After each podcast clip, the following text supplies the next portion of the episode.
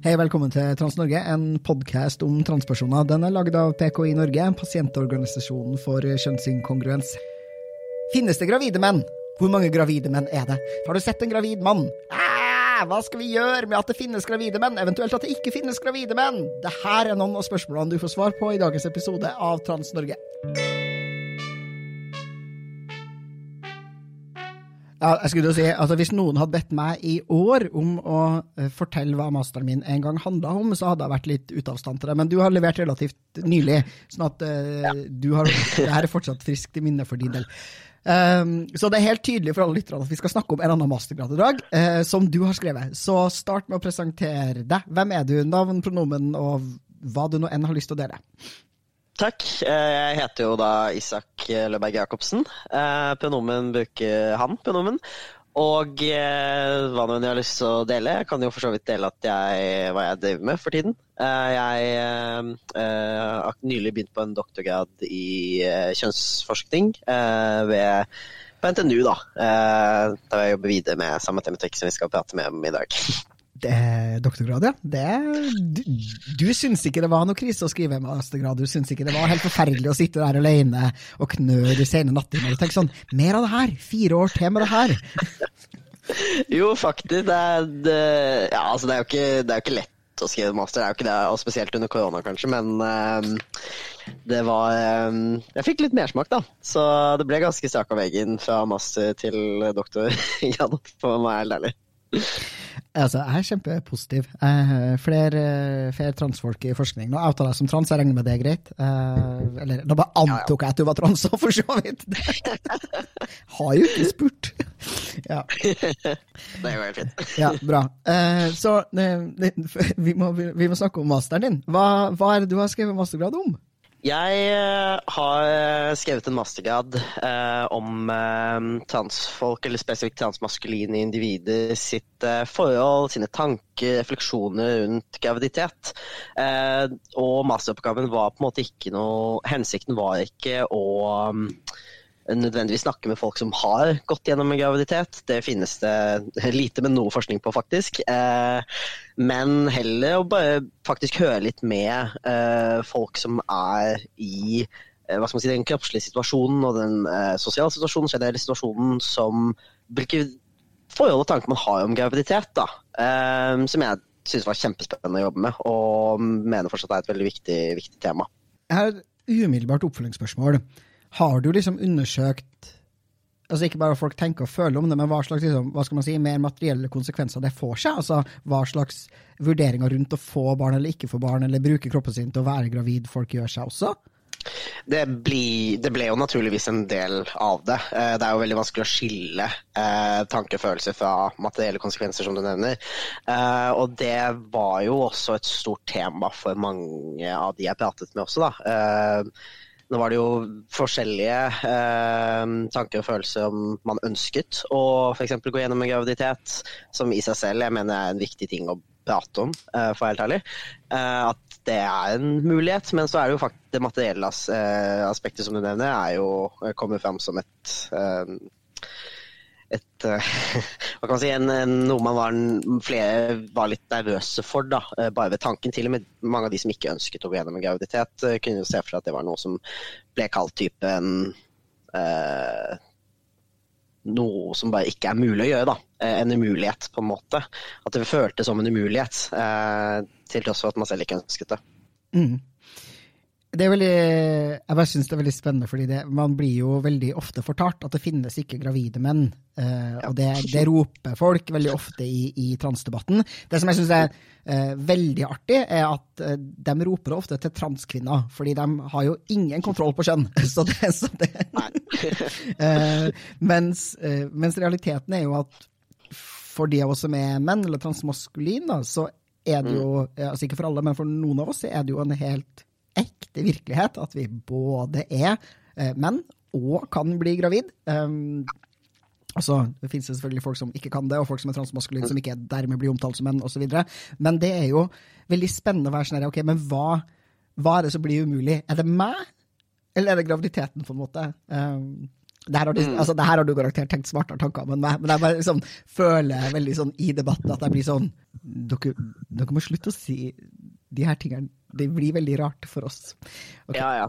Som uh, sånn old school transaktivist, da, så, så, jeg er litt interessert i uh, datamateriale. Altså, det, eller jeg er interessert i um, informantene dine. Ja. Hvem er det du har som informanter, og ikke minst er det noen av dem som har en erfaring med å ha levd i den liksom, virkeligheten som fantes før lov om endring av juridisk skjønn, altså som kanskje kan ha noen andre refleksjoner enn dem som transisjonerte eller kom ut etter lov i skjønn, rundt det her med fertilitet, kastrering osv.? Mine informanter var ganske relativt unge. Eh, alle var i eh, mellom 20 og 30 år gamle. Eh, og noen av dem, eller flere av dem for å har jo da gått gjennom en kjønnskorrigerende behandling gjennom Rikshospitalet. og da flere av dem før selve endringen kom, men flere av dem da i prosessen der hvor lov om endring av juridisk kjønn ble innført, kan man si. da. Så da var man litt i det sjiktet der hvor dette begynte å, å hva skal man si, i hvert fall juridisk forsvinne. Det kommer jo ganske klart frem at eh, tanken eh, om det forsvinner jo ikke. Eh, den er ganske sterkt institusjonalisert, kan man si. Ja. Ehm, så jeg snakket med ni eh, personer som definerer seg da på Jeg kaller det transmaskulint spekter. Det var litt fordi da åpna man for ganske mange forskjellige mennesker som kan, som passer eh, å prate med så lenge man på en måte har den muligheten til å bli gravid. Så var man en interessant informant for meg, da. Eller ikke muligheten lenger. Man måtte ha eh, gjennomgått eh, operasjoner som gjør at ikke det er mulig lenger. Man har jo fortsatt hatt mulighet på et tidspunkt, så derfor er det mm. fortsatt interessant. Um, um, men relativt unge mennesker, må jeg jo si. Um, som har hatt varierende opplevelser uh, med møte med helsepersonell på dette, da. Uh, kan man jo nevne. Uh, men ingen som var si ja, 40-50 pluss. det var det ikke. Så relativt unge, unge, unge transfolk. Eh, er det noen av dem som har barn? Nei, det var det ikke. Eh, bare um, ønsker om det. Ta oss gjennom hovedfunnene i masteren din, da. Ja, gjerne. Eh, kanskje en ting jeg også kan nevne som jeg syns var i forhold til informantene, da, mm. eh, som jeg syns var veldig spennende, var det at Eh, dette var jo noe jeg fikk høre veldig tidlig på masteren, var det at uh, dette er et kjempespent tema, men hvordan skal du få tak i folk? jeg fikk nesten inntrykk av at man ikke trodde at det fantes nok mennesker. og det gjør det jo absolutt. Inntrykket mitt faktisk var helt andre veien. Jeg fikk ganske god respons, og det var mange som ønsket å delta i studien. Og så klart er det jo noen forskningsetiske Man må gjøre noen ganske klare avveininger her. Uh, man har jo ikke lyst til å bruke opp folk heller, holdt jeg på å si. Uh, men fikk jo veldig inntrykk av at det var mange som ønsket å bidra til forskning på dette. det syns jeg var veldig veldig positivt, og håper jo det samme nå når jeg skal fortsette å jobbe med tematikken. Um, det, altså det, tror jeg definitivt. Jeg har vært med på en del, altså sittet i referansegruppa på en del forskningsprosjekter som angår transfolk. liksom, Og vi er generelt, så lenge forskningsprosjektet ikke virker som det er utagerende transfobt, altså, eller er i regi av. Rikshospitalet, så er vi en gruppe som er veldig interessert i å forske og forske på oss. Fordi vi jo ønsker at denne kunnskapen skal skrives ned og faktisk finnes et sted, fordi vi tenker at det kan hjelpe oss som gruppe. Og vi har lyst til uh, at man skal vite mer om oss. da. Um, ja. Så jeg, jeg, jeg, har også liksom min erfaring at folk er sånn Herregud, hvordan skal du finne, ja, finne de her nesten magiske menneskene som nesten ikke finnes noen av? Uh, transmaskuline folk som har en teoretisk mulighet til, til å bli gravid. Altså, de jo, det er sikkert tre av dem, og kommer ikke, du kommer ikke til å finne dem. Men uh, selvfølgelig, det er jo sett fra veldig sånn en, en, en sånn cis-perspektiv. da, at, at, man bare tenker at vi er så få at det liksom, er helt umulig å finne oss. Liksom, jeg vet ikke hvor mange ganger jeg har prøvd å fortelle folk sånn jeg kjenner mange hundre transfolk, og folk er sånn 'Det er jævlig mange transfolk!' Jeg bare, ja, det er Altså, Jeg er for så vidt enig i det, men ja. Men ja, sorry. nei, nei, men altså, er, du har jo helt rett i det. Også, mm, men jeg, jeg syns det var veldig inspirerende, på en måte. da, Og jeg, jeg, tenker det du sier er ganske viktig, spesielt med tanke på um, hvem sine stemmer som blir hørt i denne forskningen også. Eh, og det var jo på en måte noe som også forhåpentligvis bidro til at flere ønsket å delta i mitt forskningsprosjekt, som jeg satte veldig pris på. Um, at det da ikke hørtes transfob ut, er jo kanskje et, et, minimum, så klart. Men uh, poenget var jo litt også å få sentrert uh, transfolk sine faktiske stemmer, og få gjøre forskning på de refleksjonene transfolk har. Eh, fordi vi vet at denne, disse stemmene ofte har vært veldig ekspertifisert, om man vil kalle det. På en måte, at det har vært ekspertstemmer som på en måte i stor grad da setter, eh, setter status og setter, setter dagsorden nesten da, for hvordan transopplevelser eh, er, fra et veldig medisinsk perspektiv kanskje, og, og noen ganger et juridisk et også. Um, så det å på en måte da bare få sirkla det tilbake til de faktiske opplevelsene det gjelder, syns jeg er kjempe, kjempeviktig.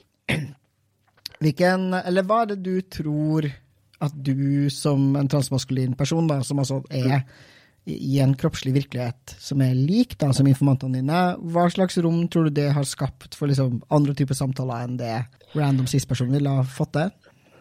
Altså, det har nok en del å si. Um, det var jo på en måte, Dette er, dette er jo også et uh, metodisk valg, kan man nesten kalle det. Man skal være åpen om sin egen identitet når man er en forsker og skal prate med folk. Um, jeg var ikke Jeg nevnte ikke det, eksempel, det kan jeg jo si. Uh, men altså, søker du meg på sosiale medier, for eksempel, så finner du ut ganske kjapt hva det er jeg mener om ting, hvordan jeg er politisk aleine om meg, uh, og og så er jo, hva skal man si, jeg er jo med i masse Facebook-grupper. Jeg har vært veldig politisk aktiv tidligere, så det er jo ikke jeg tror ikke det er kjempevanskelig å gjette seg fram. Nei, tror du noen tror, altså sånn, selvfølgelig, altså man, for det, man kan liksom si det sånn, Skal man si noe om identiteten sin eller ikke? Og I veldig mange situasjoner så vil det å ikke si noe, det, vil, det er å bli antatt å tilhøre majoriteten. Sånn at ja. det i seg selv er på en måte å si en ting. altså I en del settinger eh, kan i hvert fall forstås som det. så jeg tenker sånn, jeg tenker i hvert fall veldig når folk liksom snakker om at at det liksom skal være det nøytrale og ikke si noe, så blir jeg sånn mm, But it's not though. Men tror du selv, fikk du inntrykk av selv at du ble snakka til? For det kan man jo føle, liksom. Ble du snakka til som om du var trans? Ja. ja. ok, du ble klokka, det. det er sånn, jeg visste at du var trans. det går helt fint. Det var, bare, det var egentlig altså sånn, det var jo bare hyggelig, på en måte. Altså, jeg vet jo at man er liksom, man ønsker på en måte ikke, hvis ikke man sier noe selv, eh, at eh, man, man har jo kanskje ikke lyst til å anta, som du sier. da. Eh, men det kommer veldig klart frem noen av informantene, og det, det, måtte jeg også diskutere i, i den metodiske delen av masterprogrammet. At eh, det var nok kanskje litt åpenbart at noen av dem eh, fikk veldig inntrykk av at jeg også var tjenest, som er helt riktig. Eh, ved at det eh, på en måte var sånn Ja, som du vet, eller Ja, dette, dette kjenner du til. Og det kom liksom litt sånne små Kom fram, da. Ja. Og det, det, jeg tror ærlig talt, forhåpentligvis, at det har vært en Eh, en positiv ting, eh, ved at man på en måte da kanskje har følt at man eh, at informantene har kunnet ha en åpen samtale, en dialog med noen da, som tar dem på alvor og ikke på en måte har noen eh, dårlige hensikter, som dessverre man har hatt tidligere i forskning. Og det vet man jo også at eh, eh, hvert fall forskning fra andre land viser at transpersoner har mindre tillit til, til i hvert fall noen, noen, forsk noen grupper forskere. Um, og det gir jo mening, uh, dessverre. Uh, så uansett om jeg på en måte er en transperson eller ikke, så er jo det uansett noe jeg må ta med. Da. Men uh, det skaper jo en viss trygghet, tror jeg, da. ved at man kan kanskje føle seg litt mer ivaretatt, holdt jeg på å si. Mm. Jeg var jo med en forskningsgruppe og utførte et par intervjuer for et studie som, hvor noen prøvde seg på noe sånn kritikk av at at jeg var trans og politisk engasjert i temaet, sånn at jeg skulle liksom ødelegge forskninga. Og det er veldig artig, fordi jeg delte bare litt på liksom Facebook, og sånn, og da så jeg jo i transmiljøet at det var uh, flere folk som gikk ut og liksom outa seg som informanter i studiet, som var sånn der, jeg, jeg ville aldri deltatt, hvis ikke det var for at jeg visste at, liksom, at jeg kunne snakke med en fellow transperson, en transperson, og at jeg visste at de kom til å bli ivaretatt, og at ikke det her var liksom enda et oppkomma liksom transfob forskning som mm. skal sitte og grave inn i livene våre, for så å konkludere med at everything is ok, og så bare gå videre i livet sitt, liksom. Og det Uh, ja, og jeg tror også sånn, bare, bare på sånne helt sånn dagligdagse ting, da, sånn som at folk kan i en setting si sånn som de sitter der, da, som du vet, og, og bare liksom um, ord, begreper altså Vi har ganske mye intern sjargong og refererer til forskjellige ting som jeg tror til og med cis-folk som er godt innsatt i tematikken, vil slite med å følge. Bare, og så tenker jeg sånn, bare det for liksom samtaleflyt og følge sin egen tankerekke og komme frem til poenget sitt, når man slipper å sitte og liksom forklare ja, topp opp bla, bla. Ja, det er når man tar sånn kirurgi man fjerner fett på brystkassa. Liksom slippe å bare explain it to you like you were a baby all the time. Jeg tror det har noe å si for liksom ja, både hvor trygg og avslappa du føler meg, men også bare sånn hva du faktisk rekker å få sagt. da. Mm. Uh, for jeg tror liksom, jeg tror ganske mange transfolk, og det skal jeg ønske at noen liksom forska på, den derre teaching cis people mode som man går inn i når man blir sånn Det her er bare sånn, det her er meg som er en veldig pedagogisk barnehagelærer som nå skal snakke til deg om kjønn som om du var et barnehagebarn. For det er sånn det føles ut for meg. Og det er sånn der, fair enough for både meg og deg, da du har snart doktorgrad, jeg er også mastergrad i kjønn. Vi har faktisk det, men jeg tenker at jævlig mange transfolk har eh, ekvivalenten av å ha en mastergrad i kjønn i ja, liksom, levd erfaring og, og whatnot, og det føles liksom av og til ut som man bare sånn jeg er vant til å være i en akademisk boble, together with my fellow mm. trans people, hvor vi kan snakke om kjønn som om vi var voksen, og så trør man ut av det, og der sitter liksom Jenny Klinge og roper 'det finnes bare karer og kvinnfolk', og så må vi jo forholde oss til det som om Ja, nei, jeg orker ikke. Jeg blir så jævlig forbanna. Åh, jeg er så lei av å ha samtaler om kjønn som er så lite interessante at det krampa tar meg. Jeg tok faktisk eh, På lesesalen jeg skrev masteren, så transkriberte jeg he hele den tiraden til Jenny Klinge og hadde den på veggen, bare for å minne meg selv på at dette er ord, en del av det offentlige ordskiftet om graviditet og transpersoner i Norge. Ja. Uh, litt for å bli litt irritert, kanskje, som jeg tenker var en viktig motivasjon, for helt ærlig. Uh, men også bare for å minne meg altså, du, du, har jo helt rett i at det blir jo nesten en, den tilnærmet en akademisk boble, fordi man, det er en ekstremt viktig kunnskap der, uh, som, som man rett og slett lærer nesten ved å leve, holdt jeg på å si. Mm. Um, og det er veldig lett å Jeg tror det er, det er, en boble i den forstand at det er veldig lett å glemme at mange faller utenfor den bobla, uh, som du sier. Uh, og det var litt viktig for meg å ikke bare falle inn i ja, men dette er noe alle vet. dette er derfor jeg liksom føler gjennomgående har sagt dette er kanskje litt åpenbart, dette er kanskje litt åpenbart, men det er egentlig ikke det. Uh, men jeg kjenner jeg tar meg veldig i det på en måte, da. Ja. Jeg tror du kan jo også snakke, eh, apropos speaking of trans spaces, da, jeg tror du kan snakke litt annerledes i, på denne poden til meg og våre lyttere enn det du kan hvis du skal presentere masteren din eh, på et eller annet ja. sted du har blitt invitert for å prate om. Da, så tenker jeg jo kanskje at du skal eh, Da må du jo legge deg på et litt lavere nivå. da, Være sånn ja, det finnes jo mennesker som har mulighet til å bli gravid, som identifiserer ja. seg som både menn og ikke-binær, og sånn er nå det, og man kan ha en hvilken som helst identitet, og like å ha skjegg og være gravid samtidig. Tro det eller ei. ja, tenk det. Tenk det.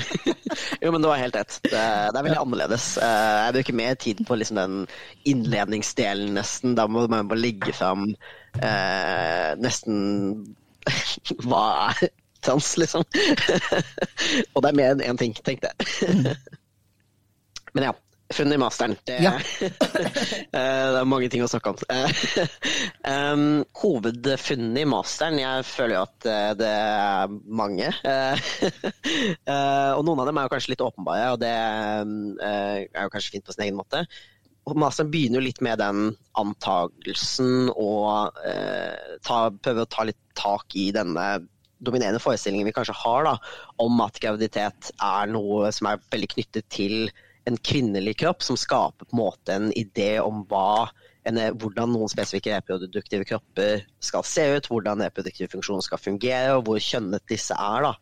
Um, og det uh, man ser da, er på en måte at uh, og nå begynner jeg litt, Dette er jo ikke mine funn, men det er bare for å forklare litt bakteppet her. Mm. Um, og Det er på en måte noe man, det er nesten en, sånn, en sannhet som man nesten tar for gitt. ikke sant? At graviditet, da er det automatisk kvinnelighet. At disse to tingene er eh, såpass sterkt både symbolsk, kulturelt, sosialt knyttet sammen eh, at det er vanskelig å fjerne dem fra hverandre, da, kan man kanskje si. Um, så da blir det jo eh, en um, Men jeg har vært en viktig oppgave da, å eh, snakke med folk som da har en eh, identitet som ikke eh, passer innenfor det kvinnelige, i hvert fall sånn, det, veldig sånn stereotypisk kvinnelig, hvis du vil kalle det det. på en måte da. Mm. Folk som da har en eh, transmaskulin kjønnsidentitet, men fortsatt har muligheten, eller har tidligere hatt muligheten til å gå gjennom en graviditet. Um, fordi tidligere forskning viser jo til at dette, at folk som har transfolk som har gått gjennom en graviditet, at dette har føltes ut som en umulighet. At det er noe som eh, blir veldig sosialt sett ned på, de som har gått gjennom det. Eh, og at det tar mye eh, av deg, da, eh, på en måte. Um, nå har jo ikke jeg pratet med folk som har gått gjennom en graviditet, men jeg tenker jo likeså det er viktig å snakke om reproduktive muligheter, da, uh, som dette da blir i så grad at det har vært en mulighet, eller kan være det, og for noen noe man faktisk ønsker seg. Um, så det jeg fant Jeg, jeg gjorde en diskursanalyse som er litt sånn jeg skal gå inn på, som kan være litt teknisk. Uh, men i hvert fall det som som jeg fant som var spennende med det, da, var jo at uh, så klart denne tanken om femininitet uh, kom ganske klart fram i måten informantene pratet om graviditet på. At graviditet ble veldig også tett koblet til noe feminint samtidig som det ble kanskje også litt snakket som en umulighet for noen, eh, så var det også et veldig klart fokus på egentlig et veldig sånn nesten fra alle jeg pratet med, at det var et fokus på at det ikke skulle bli en umulighet for, hvis andre ønsket det, f.eks. Et funn var jo det at veldig mange informantene var ganske aktive i måten de pratet på ved, med å på en måte bruke et inkluderende språk og, og, og, åpne litt den umuligheten, kan man kanskje si. da, Og gjøre det til noe som eh, kan være en mulighet, eh, selv om ikke det var det for alle. Og det er jo så klart også Det er mange grunner til at man ikke ønsker å være gravid. Det er jo ikke det at det, det, kan kanskje finnes en idé om at fordi man er en transmann, så vil man aldri Så er graviditet helt en umulig. Det kan ikke. Disse tingene er bare ikke sammen. Det er en del av maskuliniteten din å ikke ville bli gravid, nesten, kan man si. Um, og sånn har det på en måte også blitt forvaltet medisinsk, at det skal ikke være eh, noe man ønsker, for da vil du på en måte kunne eh, risikerer å ikke få en behandling, f.eks. Eh, hvis det er et uttalt ønske. og Det var det også flere som nevnte at de var redd for å snakke om, eh, f.eks. Eh, med, med helsepersonell. Um, men jeg syns det var veldig jeg synes det var et, et, av de funnene som var viktig, da, var akkurat dette med liksom hvor um, at ikke det var dette one track-greien, at man bare skulle få frem denne femininiteten knyttet til graviditet. At det var på en måte disse mange forskjellige forståelser, mange forskjellige opplevelser. At ikke det var én, én ting. da. Og Det tenker jeg på en måte er litt viktig også. Bare, det kan virke ganske feil, eller det kan virke litt sånn åpenbart for noen, men jeg tror ærlig talt at det ikke er det. Jeg tror det er veldig viktig å understreke da, disse eh, mange mulighetene i opplevelsene eh, som kommer frem. At ikke man da ender opp å bare få en idé om at alle transfolk, eller alle transmaskuline individer skal eller bør eller skulle ikke ønske en graviditet fordi det er bare ikke en del av måten denne identiteten skal forvaltes på. Og det vil jeg absolutt si at ikke, uh, ikke bevist i måten mine informanter prater om det, iallfall. Mm. Altså, jeg tror du har rett i at det her er en selvfølgelighet for veldig mange transmaskuline folk, og så er det virkelig ikke det for liksom, ja. cis-populasjonen der ute. Jeg håper kanskje også at også transfeminine folk også har catcha greia her. og jeg tror jo liksom at, eller jeg har alltid syntes det har vært spennende hvordan altså hvordan den kroppslige materialiteten min faktisk dekonstruerer skjønn på måter som er eh, mm. Ekstremt eh, teoretisk kompleks, da, på et vis. Mm. Eh, hvor man bare er sånn eh, Men det er så enkelt som at jeg er en mann. Eh, og, eh, at liksom, og at man også i stor grad, litt uavhengig av hvordan du forstår eller koder eller velger å benevne materialitet, så vil det også være altså, sant i veldig veldig mange settinger, litt uavhengig av hvordan du definerer kjønn. Og det er uansett min liksom, levde erfaring. Og med en gang man bare har den her teoretiske, tenkte, sannferdige muligheten til å bli gravid, så mm. bare skjer det et annet skjønn som bare smelter skitten, liksom. Og det, er, det syns jeg er artig. Og så er det, mm. mm, det er for så vidt fint å høre også at, at ungdommen er, er, opptatt av å si imot da, den, den rådende juridiske og medisinske diskursen på hvordan transfolk skal forvalte kroppene sine og sin reproduktive kapasitet, og hvordan vi blir møtt av staten og makta på den måten. For det jo eh, altså, det er ikke veldig lenge siden transmiljøet selv også hadde internalisert den transfobien som fantes i samfunnet, og den medisinske diskursen, til det punktet at vi jo gikk rundt og polisa eh, andre transfolk. Og det ser man jo liksom eh, altså Det man kaller liksom truescum i hermetegn, eller transmedikalister, eller HBR, som jeg liker å kalle dem, som kan gruppe sammen i ish samme landskapet. Eh, eller liksom Buck Angel som har svikta oss alle. altså Hele denne gjengen som, eh, som bare har bestemt seg for at, at, det, at, det, er viktig da, at vi forteller mm. eh, transfolk at eh, hvis du skal være trans, og være det ekte og redelig og fint og vakkert og ekte og forvente respekt fra, fra samfunnet, så må du eh, fraskrive deg noen, noen rettigheter eller noen muligheter eller ting i livet. da. Og da blir jo fort graviditet en av disse tingene som blir med på å umuliggjøre den identiteten. ikke sant? Sånn som du, nevner litt sånn, sånn som du nevnte litt innledningsvis også med at graviditet blir tatt opp. Det er liksom sånn eh, Menn kan ikke bli gravide, og så blir det kasta mot transfeminine, så klart. liksom. Um, men dette, dette, blir jo faktisk brukt eh, som et argument for at ja, men da er du ikke en ekte transperson. ikke sant? Mm. Du får den her, du skaper denne, denne posisjonen nesten som at det finnes en ekte transperson som skal gjøres på en ekte måte. og eh, graviditet f.eks. faller jo da utenfor dette. Da er du ikke en ekte transperson. Um, og det er jo en ganske, sånn som du nevner, en veldig Det er vanskelig å bryte ned på en måte, men iallfall ut ifra de, de datamaterialene jeg har jobbet med, så vil jeg jo absolutt si at ungdommen eh, ikke, i hvert fall de jeg har pratet med, ikke, ikke forvalter samme måte å snakke om det på lenger. Da. At man bryter litt med den typiske transmedikalist-diskursen, kan man si. da. Mm selv om man ikke ønsker å gå gjennom en graviditet selv. Men jeg tenker også det er en viktig del. Det er veldig mange grunner til at mennesker ikke ønsker å gå gjennom en graviditet. Det er ikke bare pga. at man er trans, men det er veldig enkelt å si det. ikke sant? At uh, man, det er pga. transidentiteten din du ikke ønsker å gå gjennom en graviditet. Uh, for veldig mange handler jo også om økonomiske Altså, Dette er jo helt åpenbart. Det er det som er litt sånn frustrerende å prate om det. At det er helt åpenbart at det er flere grunner til at folk ikke ønsker å gå gjennom en graviditet, men det blir veldig fort koblet opp til eh, transidentitet. Da. Ja, og, og, kanskje liksom opp mot noe iboende i identiteten. Hvis det skulle vært noe som jeg tenker at det er utslagsgivende som bare on the top of head, da, som er utslagsgivende for at transfolk spesifikt kanskje ikke ønsker å gå gjennom graviditet, er jo, er jo transfobien i samfunnet, ikke identiteten ja. i seg selv. Det er jo at du faktisk tenker at jeg kommer til å få skitt helsehjelp, jeg kommer til å bli skitt behandla av liksom alle rundt meg, eh, og liksom, eh, sannsynligvis ha større sjanse for å dø av liksom, eh, komplikasjoner knytta til svangerskap og fødsel, fordi jeg kommer til å møte helsepersonell som blir ute av stand til å gjøre jobben sin fordi jeg er en mann. Men ja, jeg skulle si Jeg er jo en ekstremt glad, intenst frivillig barnløs fyr barnfri, har jeg hørt at vi skal si, vi som syns det er jævlig deilig å ikke ha kids. Det eneste argumentet mitt for å få barn, er at jeg ville vært en gravid mann. Det er det eneste som står på pro-lista mi, på den derre pro-con kids-lista. Så har jeg vært sånn det ville vært jævlig fett å bære frem og føde den kiden sjæl. Og det ja. Bare som en sånn subversiv eh, Oh yes. Oh yes. Ja, men, det kjempe... Og, men det, det, er faktisk morsomt, fordi det ble også nevnt. Ja, ja. I hvert fall en av informantene. Og jeg blir også litt sånn Kom an, Gimra. Skal du gi meg noe mer? Altså potensielt, altså sånn som eh, Det trenger ikke å være det, og jeg skjønner at det ikke er det for kvinner, liksom, men kan du gi meg noe mer, liksom? urmaskulint enn å presse et menneske ut av kroppen sin i insane smerte, liksom. Jeg bare Det der er Du bør i hvert fall kunne få lov til å forstå det som en ekstremt maskulint overgangsritual hvor du bare har sånn derre I fucking am the bringer of life, liksom. Men, det er sikkert mye sunnere enn veldig mange andre maskulinitets altså, dumme ting man gjør for å bevise maskuliniteten sin. Så, så mye bedre. Ja. ja. Hva ble du mest overraska over?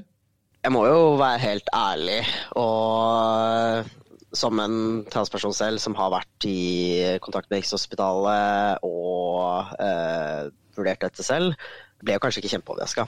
Eh, eh, det kan hende jeg hadde blitt mer overraska om jeg var en cis-person som aldri har hatt noe kontakt med norsk helsepersonell eh, på temaet, eller hatt opplevelser selv, på en måte. Men eh, det jeg kanskje ble litt overrasket over, da eh, Kanskje overrasket er litt feil ord, men i alle fall det ble eh, litt glad, kan man si. Mm. Eh, pleasantly surprised, som man kaller det. Eh, var jo på en måte igjen dette hvor mange forskjellige måter det var å tenke på graviditet. da. Eh, og hvor stort sprik det var i refleksjonene til informantene, selv om det på en måte var noen eh, mer gjennom, gjennomkjennbare trekk, så var det jo også det, det, på en måte bare konstaterte litt det som er veldig åpenbart, at oi, det er en uh, heterogen gruppe med mange forskjellige opplevelser, ønsker og muligheter, og det er veldig fint å få det på papiret. Det er nesten litt grann det som var veldig, veldig fint med det. da. Mm. Um, men at jeg ble så veldig overraska, det ble jeg, må jeg helt si at ikke jeg ble. Men hvordan tror du, hvis man, altså man det, Jeg gjorde det her, jeg gjorde en diskursanalyse i min mastergrad, og da hadde jeg liksom spekulert litt i liksom Mm, altså, selvfølgelig, det, det, det, har noen materielle konsekvenser, som vi snakker om. Da. Den her måten vi snakker om graviditet på, måten det også institusjonaliseres, på måter hvor man f.eks. har et kastreringskrav, da, det, som jo mm. eh, effektivt gjør at folk ikke har kunnet blitt gravid på et vis. Men hva tror du, eller har noen av informantene liksom reflektert noe rundt om måten vi snakker om graviditet, altså, eller, eller om, og på hvilken måte, da? Måten vi prater om graviditet og liksom den her koblinga til femininitet og kvinnelighet og morskap og bla, bla, bla, hvordan det faktisk har påvirka behovene og ønskene deres. Altså er det noen som liksom ikke bare tenker sånn 'Jeg har ikke lyst til å bli gravid for det', bla, bla, men er det noen som liksom har den her metatouchen hvor de er sånn 'Jeg tror faktisk at jeg kunne hatt andre ønsker i en annen verden', på en måte. Ja, absolutt. I hvert fall jeg leste det veldig sånn. Her var det jo eh, det, var jo en eh, gruppe av ni mennesker, så klart, så det var mange Men jeg opplevde veldig at det var og det er jo litt det de ble spurt om også, reflektere rundt det, så klart. Så da åpnet det jo veldig for det. Ja. Uh, men det vil jeg absolutt si. Og uh, majoriteten av de jeg pratet med, ønsket jo ikke å gå gjennom en graviditet. Men uavhengig av det, da, uh, sånn som jeg også nevnte litt tidligere, ble jo f.eks. ord som inter, internalisert transfobi nevnt. Mm. ble også nevnt Noen nevner typ dette med om vi hadde levd i en mer kjønnsløs verden f.eks., ville kanskje det sett annerledes ut. Um, så ja. Men man går jo veldig ut ifra den situasjonen man er i nå, og hva man føler der og da. Uh, men jeg opplevde veldig at det var mye prat om måten, uh, i hvert fall på et veldig sånn dominerende diskurser om kjønn i samfunnet i dag, påvirker jo så klart måtene man ser for seg mulighetene sine, fordi mulighetene blir færre om du ikke kan se for deg om det er en umulighet, ikke sant. Eh, og dette er jo eh, igjen noe som kanskje er åpenbart, men det er kjempeviktig å konstatere. da. Eh, og det var kanskje litt et av de mer, hva skal man si, mer teoretiske funnene. ikke sant? At uh, veldig uh, cis forståelse av kropp, kjønn, er med på å påvirke eh, hvilke refleksjoner man kan gjøre. Eh, eller som blir naturlig å gjøre, da, kan man kanskje si. men disse blir jo da også Man aktivt prøver å bryte litt med dem, fra mine informanter i alle fall. Men det blir jo presentert som en umulighet. Jeg så jo senest i Dagbladet for et par måneder siden at det var et kjempeoppslag om en, en transmann som hadde født. Og da var det ja, Dagbladet er jo kjent fra clickbait, mm -hmm. for så vidt, men det var typ sånn Se mannen føde, på en måte. Eh, og det var en video som er 15 år gammel, eller noe sånt. Ja. Eh, det er så det gøy, fordi altså sånn, folk tror, da, har en sånn idé fordi de har sett tre stykker i media som har vært liksom, offentlig kjente transfolk, eh, transmenn som har vært gravid, at det liksom literally finnes tre av oss i verden. Og der blir jeg sånn Jeg tror jeg snakka med en sånn doula som jobba i liksom, San Francisco-området, eller sånn, som var sånn Nei, nei, altså sånn Jeg alene er med på sånn 30-50 fødsler i året eh, som gjøres av transmaskuline folk. Liksom. Så det er sånn derre Det kryr av fødende menn. Folk må bare Just ja. be afraid, liksom. Vi føder barn så det synger etter! ja, men det er absolutt. Det er bare at det er ikke nyhetsartikkel hver gang, åpenbart. Fordi det går jo ikke. Eh, men du skulle jo nesten trodd det var det. Sånn som sier, det var de tre. Eh, mm. ja, og folk må også bare forstå oss der. Transfolk har ganske mange gode og tungtveiende argumenter for å ikke skulle stille opp i en nyhetsartikkel hvor vi snakker om ja. graviditeten vår, for å si det sånn.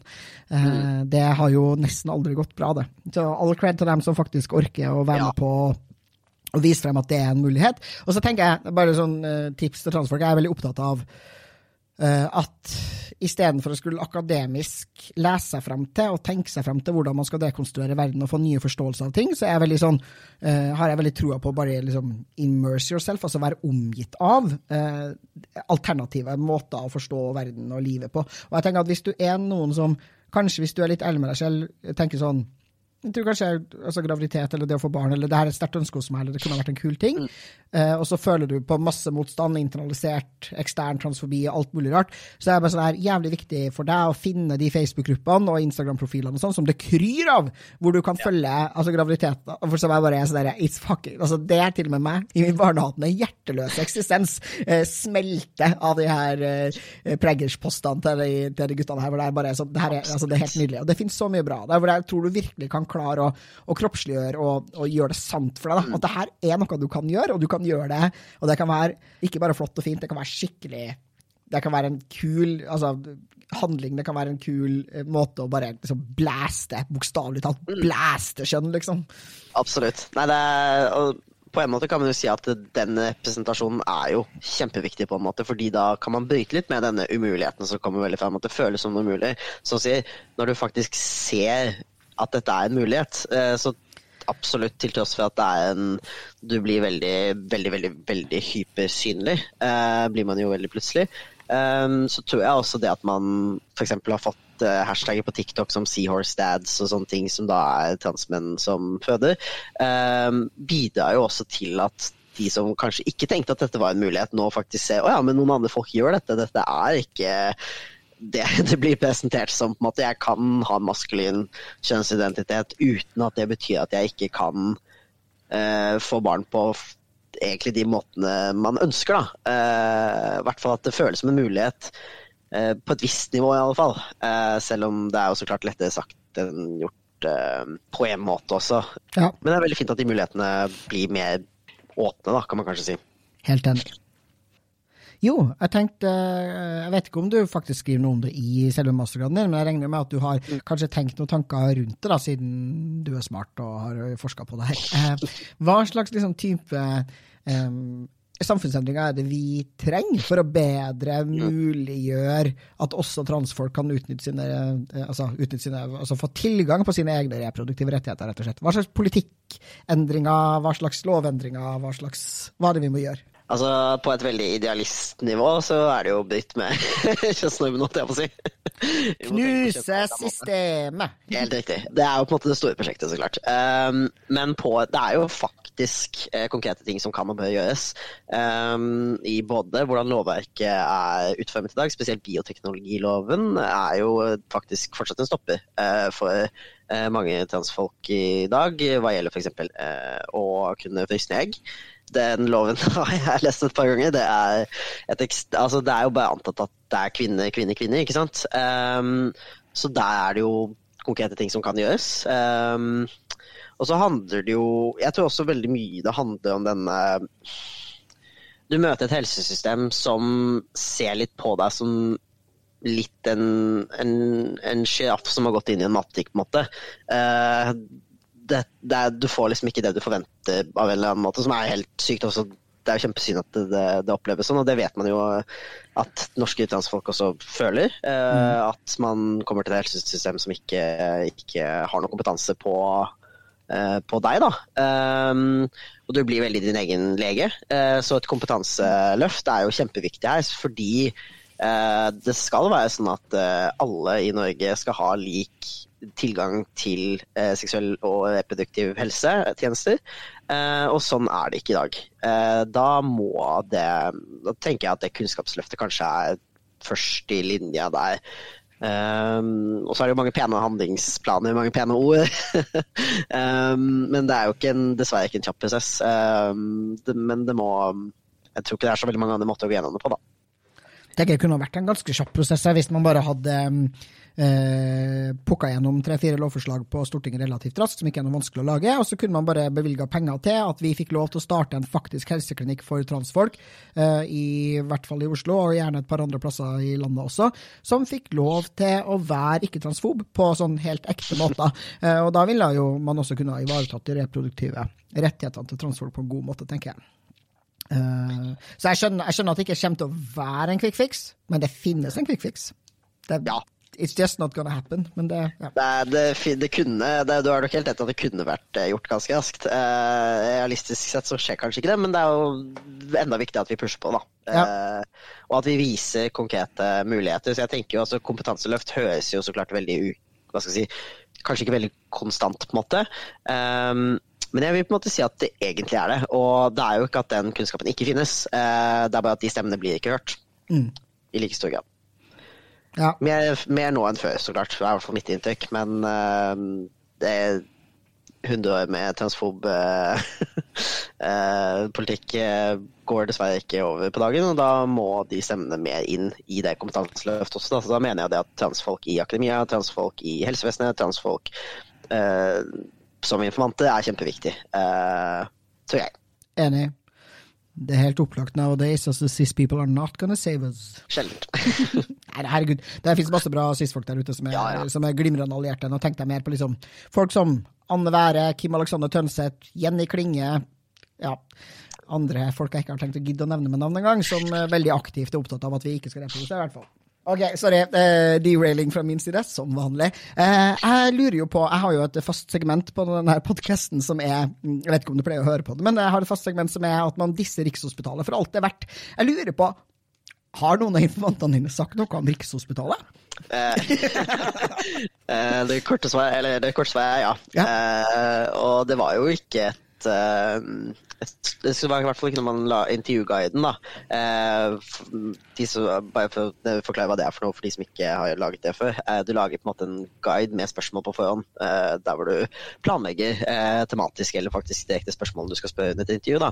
Eh, og Rikshospitalet var ikke noe som var et planlagt tema, men det var absolutt noe jeg visste kom til å komme opp. Og så var det litt varierende hvor mye folk pratet om det. Um, men det ble såpass mye prat om det at det ble også tatt med i masteren. Uh, fordi det måtte den nesten, når det var noe informanter brukte så mye tid på å prate om. Uh, fordi de opplevdes veldig som en, en gatekeeper da, i veldig stor grad. For å kunne i det hele tatt snakke om muligheter en gang for reproduktive muligheter. Så det også kom jo frem i masteren at folk hadde jo noen ganske spesifikke strategier for hvordan de løste det problemet. Altså, de som faktisk ønsker på tidspunkt eller kan vurdere å gå gjennom en graviditet, løy jo om det, egentlig. Ja. Eh, og selv om det er noe de da kommer mest sannsynlig til å gjøre eh, selv, eh, så føles ikke det i hvert fall sånn jeg leste materialet, føles det ikke ut som det var noe de kunne prate med eh, helsepersonell på Rikshospitalet om. som sier jo i hvert fall to ting veldig klart. For det første er det jo bare veldig synd at uh, det skal være sånn at, ikke, at man føler man må lyve til uh, spesialisert helsepersonell, uh, selv om det kanskje ikke er sjokkerende at det er sånn, dessverre. Um, og det andre viser jo bare hvor, internal, hvor institusjonelt den binære forståelsen av kjønn og kropp gjøres inne på Rikshospitalet, hvordan da transpersoner må også, altså dette vet vi jo, men også på spørsmålet om reproduksjon bare virkelig ja, police seg selv, som du sier, da, for å være helt ærlig, og, og lyve, rett og slett. Mm. Um, og så vil jeg sikkert Rikshospitalet kontra det her med å si at det må de ikke, vi tvinger dem ikke til det. Men så er det sånn, vi kan ikke være trygge på det. Vi kan ikke vite. Vi vet at hvis vi får nei fra dere, så er det, altså det er det eneste nei vi får. Vi har alle mulige initiativer for å prøve å bedre våre egne sjanser i dette systemet. Og vi har all mulig grunn til å tro at Rikshospitalet bruker det og helt andre liksom, weirdo kriterier potensielt mot transfolk. Liksom. Og de har jo historisk gjort det. Masse. Altså både uh, vært uh, de bringer of kastreringskrav og kastreringsgjennomføring, men også helt tydelig vært sånn har sagt til folk, avvist dem fordi de har barn fra før, avvist dem fordi de har et ønske om å bli gravid eller bli forelder. Eh, og også veldig aktivt, som de gjør nå, da, ikke jobbe for våre reproduktive rettigheter. Altså Rikshospitalet står ikke på frontlinja for at vi skal få frysende egg og sæd. De har til nød, nødigst gitt liksom, folk mulighet til å fryse ned sædceller. Nå uh, Ja, det er en sånn den gjengen der er ikke jævlig opptatt av våre reproduktive rettigheter. De gangene de bruker våre reproduktive rettigheter til noe som helst, er det som et sånn argument mot at vi skal få kjønnsbekreftende behandling. Sånn som når de liksom skrev den her famøse kronikken sin, 'Nasjonens døtre', i 2018, som de jo gjentok poengene i i 2022, uh, så var de jo sånn herre uh, Ja, det, å, nå blir folk infertile, og det er helt forferdelig. Og så er det ikke sånn at de da prøver å tenke sånn Hvordan kan vi sørge for at folk slipper å oppleve uønska infertilitet? Uh, det de prøver å si, er jo bare sånn Vi skal ikke gi folk kjønnsbekreftende behandling! Ja. Sorry, det var dagens Disseriksen. Fortsett. Men altså, det er jo, et, eh, det, det er jo viktig, også sånn uavhengig eh, Åpenbart, jeg har jo ikke pratet med Rikshospitalet, så om de, hvordan de ville kontet. det, er jo det får de jo kontra akkurat sånn som de vil. Eh, det er uansett viktig at vi har forskning på hvordan det oppleves. ikke sant?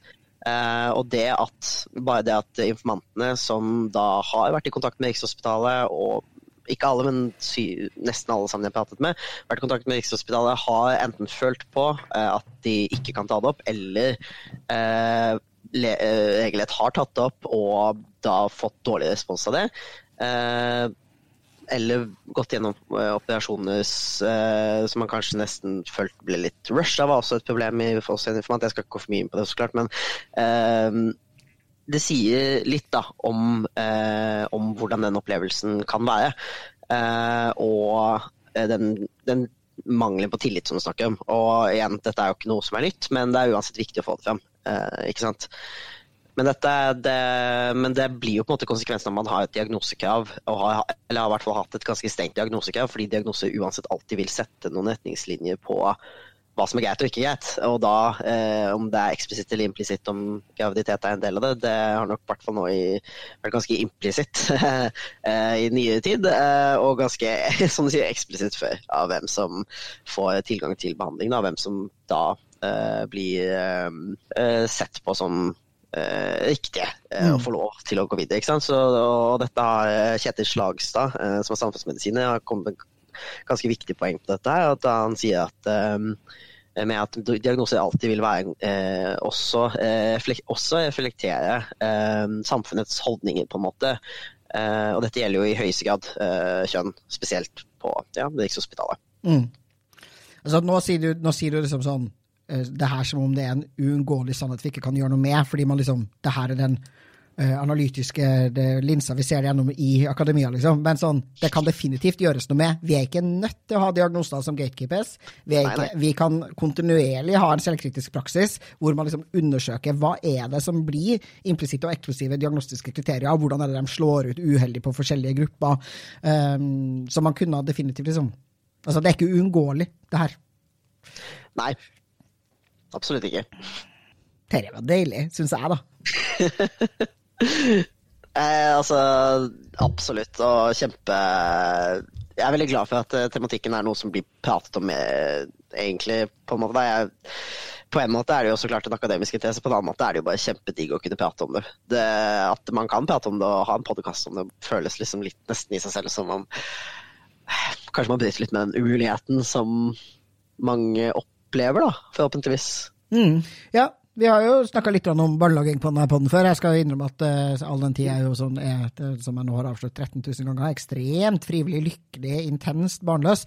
Så er det kanskje ikke liksom et av de temaene jeg er mest interessert i sånn som barnelagingsprosjekt, men jeg er veldig interessert i det som et rettighetsprosjekt, og som, et, liksom, som nettopp denne inngangen til hvordan vi forstår kjønn i samfunnet, og hvordan vi poliser eh, hverandres identiteter og kropper. Hvis, jeg, hvis folk um, har lyst til at jeg skal snakke mer om barnelaging på et eller annet nivå, så jeg er åpen for det. altså.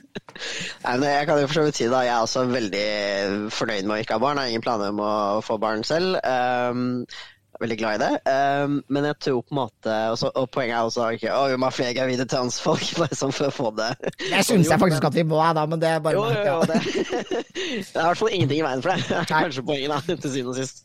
Og det burde ikke være det, men å vise fram at uh, realitet, hvordan det oppleves i realiteten og snakkes om, er kjempeviktig. Mm. Uh, for å både liksom peke på et problem og også vise ok, men her, dette kan vi gjøre noe med. Måte. Det, er ikke, det er ikke satt i stein. Nei. Nei, og jeg trenger at mitt valg om å ikke få barn og være gravid faktisk er mitt valg. Og at det er et helt ekte, reelt fritt valg. Exactly. Ok, Er det noe du føler at du liksom ikke har fått sagt? Altså, Nå må du huske at du har, eh, tror jeg da, kanskje det største transpublikummet som er å oppdrive eh, for tida i Norge. Jeg bare velger å tro det. At det er liksom ja, jeg tror kanskje det heter det. Ja, jeg håper det. Hvis ikke, ut, du der ute transperson, tips alle transpersonvennene dine om denne podkasten, da. Jeg kan jo drive med litt uh, selvreklame, holdt jeg på å si. Selvfølgelig. Ja, ja, ja. Uh, jeg, jo, jeg, jobber jo med lignende tematikken i doktorgradsprosjektet også. Uh, der skal jeg jobbe mer med overordnet spørsmål om reproduktivitet og reproduksjon, muligheter, ønsker. Um, er det noen som føler seg veldig kallet til å ta en prat med meg om det, uh, så begynner det arbeidet ganske snart. Um, så hvis noen har fortsatt, fortsatt har lyst til å bidra til forskning, gjerne bidra til min forskning. Det var kjempe, kjempebra. Um, ta gjerne kontakt med meg. Uh, all informasjonen min er på NTNU siden det. Um, og utover det, gjerne fortsett å prate om dette. Det er dritviktig. Uh, det er kjempeviktig. Uh, jeg tenker det du sa, at det skal være ditt valg til syvende og sist, er absolutt de to strekene du svarer når det kommer til dette her. selv om det kanskje ikke har blitt presentert som det, og både politisk og juridisk og da medisinsk ikke har blitt forvaltet som det, eh, så kan man ikke akseptere at det er sånn det skal være. Eh, da må vi gjøre noe med det. ja, jo, til, det, til doktorgradsprosjektet kommer du til å liksom aktivt søke etter informanter. Sånn eh, Ja. utly... Ja, ok, cool. Nå nevnte jo prosjektet ditt her på podden, men jeg tenker at eh, når alt er klappa og klart, og du faktisk søker etter informanter, så mm, legger vi det med i nyhetsbrevet til PKI. Som man får hvis man melder seg inn i PKI, som man kan gjøre på nettsidene våre, www.pkinorge.no, så jeg anbefaler at alle gjør. Det var kjempebra.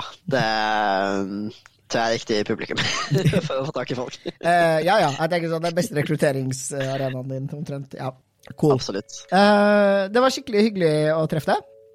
Og veldig veldig trivelig at du hadde lyst til å komme på podden og ville dele forskninga di. Tusen takk for at jeg fikk komme. Uh, elsker å prate om det, så prater gjerne med om det en annen gang altså.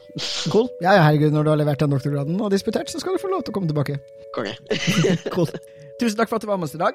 Jeg heter Luka Dalen Espeseth, og takk til deg som lytter på Trans-Norge. Fred ord om podkasten, så vi kan få oss en milliard lyttere, og send oss gjerne spørsmål. Tusen takk til klipperne våre Mina, Noah og L, og følg PKI på sosiale medier, og meld gjerne PKI på nettsidene våre www.pkinorge.no.